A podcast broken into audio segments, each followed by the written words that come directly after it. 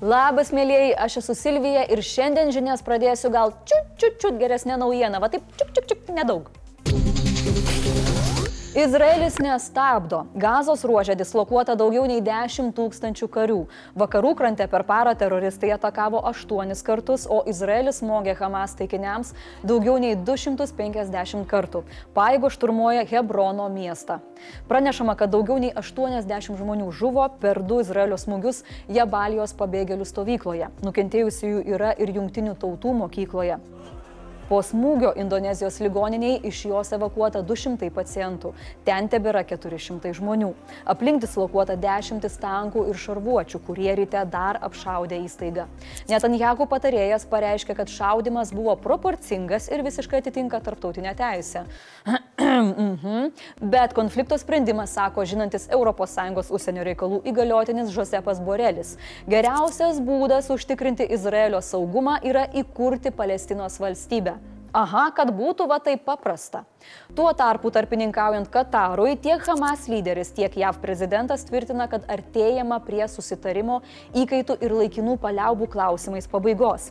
Manoma, kad jis apims Hamas ir kitų grupuočių gazoje laikomas moteris ir vaikus, mainais į tai, kad iš Izraelio kalėjimų bus paleista dalis palestiniečių. Nesutariama dėl paliaubų trukmės, bet Netanjahu sako besitikintis greitai sulaukti gerų naujienų dėl įkaitų paleidimo. Tikiuosi, kad čia spindulėlis šviesos, nes pasaulio sveikatos organizacija skambina pavojaus varpais. Situacija palestiniečių anklave katastrofiška dėl kylančios didelės epidemijos rizikos. O žuvusiųjų skaičius gazos ruožė jau ir taip, kaip skelbiama, perkopė 13 300. Šiandien nepriklausomybės Maidanui sukako 10 metų, o Ukraina vis dar kaunasi dėl išlikimo. Naktį Putino hienos paleido 11 šeihet ir 5 dviejų tipų raketas. Nuo smūgių nukentėjo civilinė infrastruktūra, žuvo žmogus, dar keli sužeisti. Ir okupantai tęsė polimą Marinkos, Šachtiorsko, Bahmuto, Kupensko ir Avdyvkos kryptimis. Jokių reikšmingų poslinkių pasiekti nepavyko, tad savo impotenciją pridengė šaudydami padegamosiomis fosforo bombomis. Drastiškų metodų imasi ir kairiajame Dnipro krante. Jie ukrainiečių pozicijas apšaudo termobariniais šaudmenimis. Nepaisant to, ukrainiečiams pavyko išplėsti kontrolės zoną netoli rinkų vakarinės dalies. Bet maskoliai nerimsta. Pranešama, kad pradėjo ir didelio masto informacinę operaciją Maidan 3. Jos tikslas - destabilizuoti padėtį Ukrainoje ir pašalinti iš prezidento posto Zelenski. Tačiau Volodymyras yra užsigrūdinęs, jis išgyveno mažiausiai penkis Mordoro mėginimus jį nužudyti ir sakosi reaguojantis į tai kaip į COVID. Tai kaip čia dezinfekuoja rankas ir po prekybcentrius nesišlaisto ar, ar kaip? O paklaustas, ar Ukraina pasinaudotų galimybę nužudyti Putiną, Zelenskis atsakė, kad Ukraina turi visas teisės ginti savo žemę. O ginti tikrai dar reikės. Įspėjama, kad iki visuotinės orkų mobilizacijos beliko keturi mėnesiai, kai po rinkimų Putino režimas įsitvirtins galutinai. Mat šiuo metu Maskovijos pelkėse mobilizacijos neva nėra. Norintis mirti anksčiau laiko viliojami kontraktais ir piniginėmis išmokomis. Ir dar prasidėjo nauja atranka į Rusijos Afrikos korpusą, kuriuo siekiama perimti Wagner operacijas. Kol vieni ruošiasi užkariauti Afriką, kiti peršykė laukia ukrainiečių smūgių Kryme. Čia pastaruoju metu buvo intensyviai testuojama agresoriaus oro gynyba. Ir smūgių gali tikėtis tik daugiau, nes JAV ir Vokietija paskyrė Ukrainai naujus karinės paramos paketus. Tuo tarpu tik tok pajėgų vadas Kadyrovas testuoja Putino nervinę sistemą.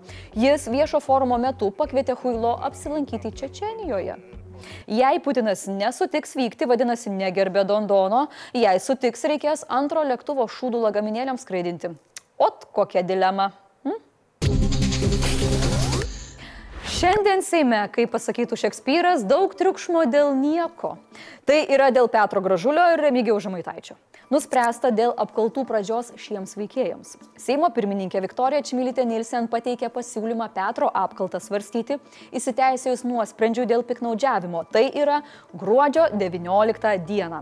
Petrui ta idėja visiškai nepatiko, nes iki to laiko gavus Konstitucinio teismo išvadas dėl priesaiko sulaužimo jis galėtų netekti galimybės kandidatuoti į Seimą dešimčiai metų. Bet tai įtikino Seimą. Ar panaikinti gražulio mandatą parlamentas spręs gruodžio 19 dieną. Dar prieš tai Petras tvirtino, kad pats mandato neatsisakys, bei aiškino, kad listerijos koldūnuose tai slaptas ginklas prieš Rusiją ir šią kilnę kovą sabotuoja ne kas kitas, o konservatoriai, aišku. Smagus šau tęsiasi toliau ir 82 balsais Seimas apsisprendė dar ir pradėti apkaltą Žemaitaičiui dėl jo antisemitinių pasisakymų ir kreipėsi į Konstitucinį teismą. Pats antisemitas nustebęs dėl apkaltos vadino ją politiniu susidorojimu bei išvelgė tame Rusijos interesus. Mhm.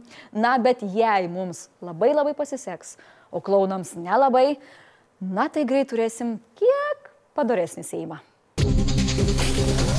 Ant Seimo stalo antram dubliui nugulė valstybės biudžetas.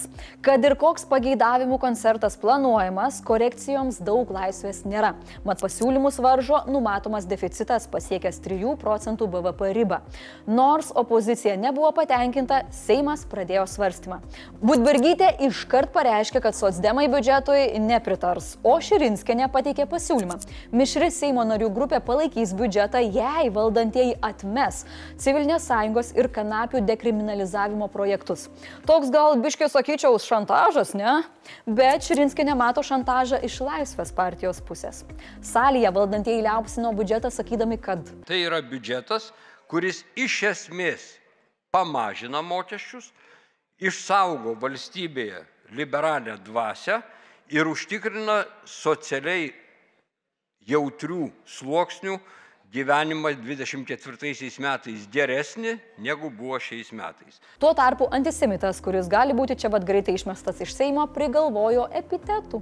Kiekvienam biudžetė aš uždedu tam tikrus pavadinimus, Tai aš esu pavadinęs e, Frankensteino biudžetas šitas, arba kitaip sakant, e, Briusio galo biudžetas. Jei trumpai, kitais metais 10 procentų didinama minimali alga, 20 procentų NPD, pensijoms didinti numatyta 519 milijonų eurų, planuojamas atlyginimų kelimas mokytojams, kultūros ir meno darbuotojams, pareigūnams, medicinos darbuotojams, krašto apsaugos finansavimas viršys 2 milijardus eurų, o 387 milijonai bus skirti švietimo susitarimui įgyvendinti įgyvendinti. Dar papildomai numatytos išlaidos keliams ir kitoms reikmėms. Antras biudžeto svarstymas ketvirtadienį, prieimimas gruodžio 5 dieną. Beje, gal jūs turite geresnių epitetų biudžetui nei remyga, tai kalkit drąsiai į komentarus, laukiam dabar, nedelsiant. Blitz naujienos. Seimo narė Silva Lengvinienė palieka valdančiai koalicijai priklausančią Laisvės frakciją ir pereina dirbti į opozicinę demokratų frakciją vardan Lietuvos. Dėl pokyčių jį apsisprendė po savivaldos rinkimų. Seimo Laisvės frakcijos seniūnas Vytautas Mitalas teigia išeimo nesureikšminantis kaip ir to, kad mažėja valdančiosios koalicijos atstovų. Mhm. LRT ir Baltijos tyrimų apklausa rodo, kad pusė gyventojų mano, jog prezidento rinkimuose dalyvaujanti premjerė Ingrida Šimonytė turėtų atsistatydinti iš savo pareigų likus mėnesiui iki rinkimų. Pati premjerė sako, nemananti, jog prieš rinkimus turėtų pasitraukti. Teisės sauga atlieka tyrimą, kuriame devyni asmenys įtariami apgaulę įgyja 230 tūkstančių eurų ES paramos ir valstybės lėšų. Lapkričio 7 dieną buvo atlikta 40 kratų. Įtarimai pareikšti devyniems fiziniams asmenims, sprendžiama dėl trijų juridinių asmenų. Mėlyjeji, priminsiu šios dienos klausimą. Taigi, epitetai biudžetui. Važiuojam, važiuojam, važiuojam, rašykit, rašykit, rašykit. Gerai, bet tikiuosi, kad jūs taip įsipatoginę žiūrite tiek žinių, ne? O šitaip.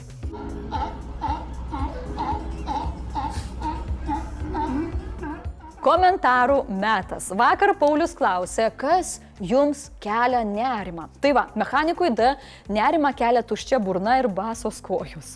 Viedrelis nerima jaučia dėl mūsų studijoje pasikeitusio apšvietimo Ok, e, plaukikui irgi labai rūpi mūsų studija, vėl tas nelemtas tarpas tarp televizorių. Na, o Lilija Putnienė labai nerimauja, kai kažkas skaito tai, ką ji parašė. Lilija, čia jums Dievas nepadės, kol rašysit tokius įdomius dalykus, tol skaitysim.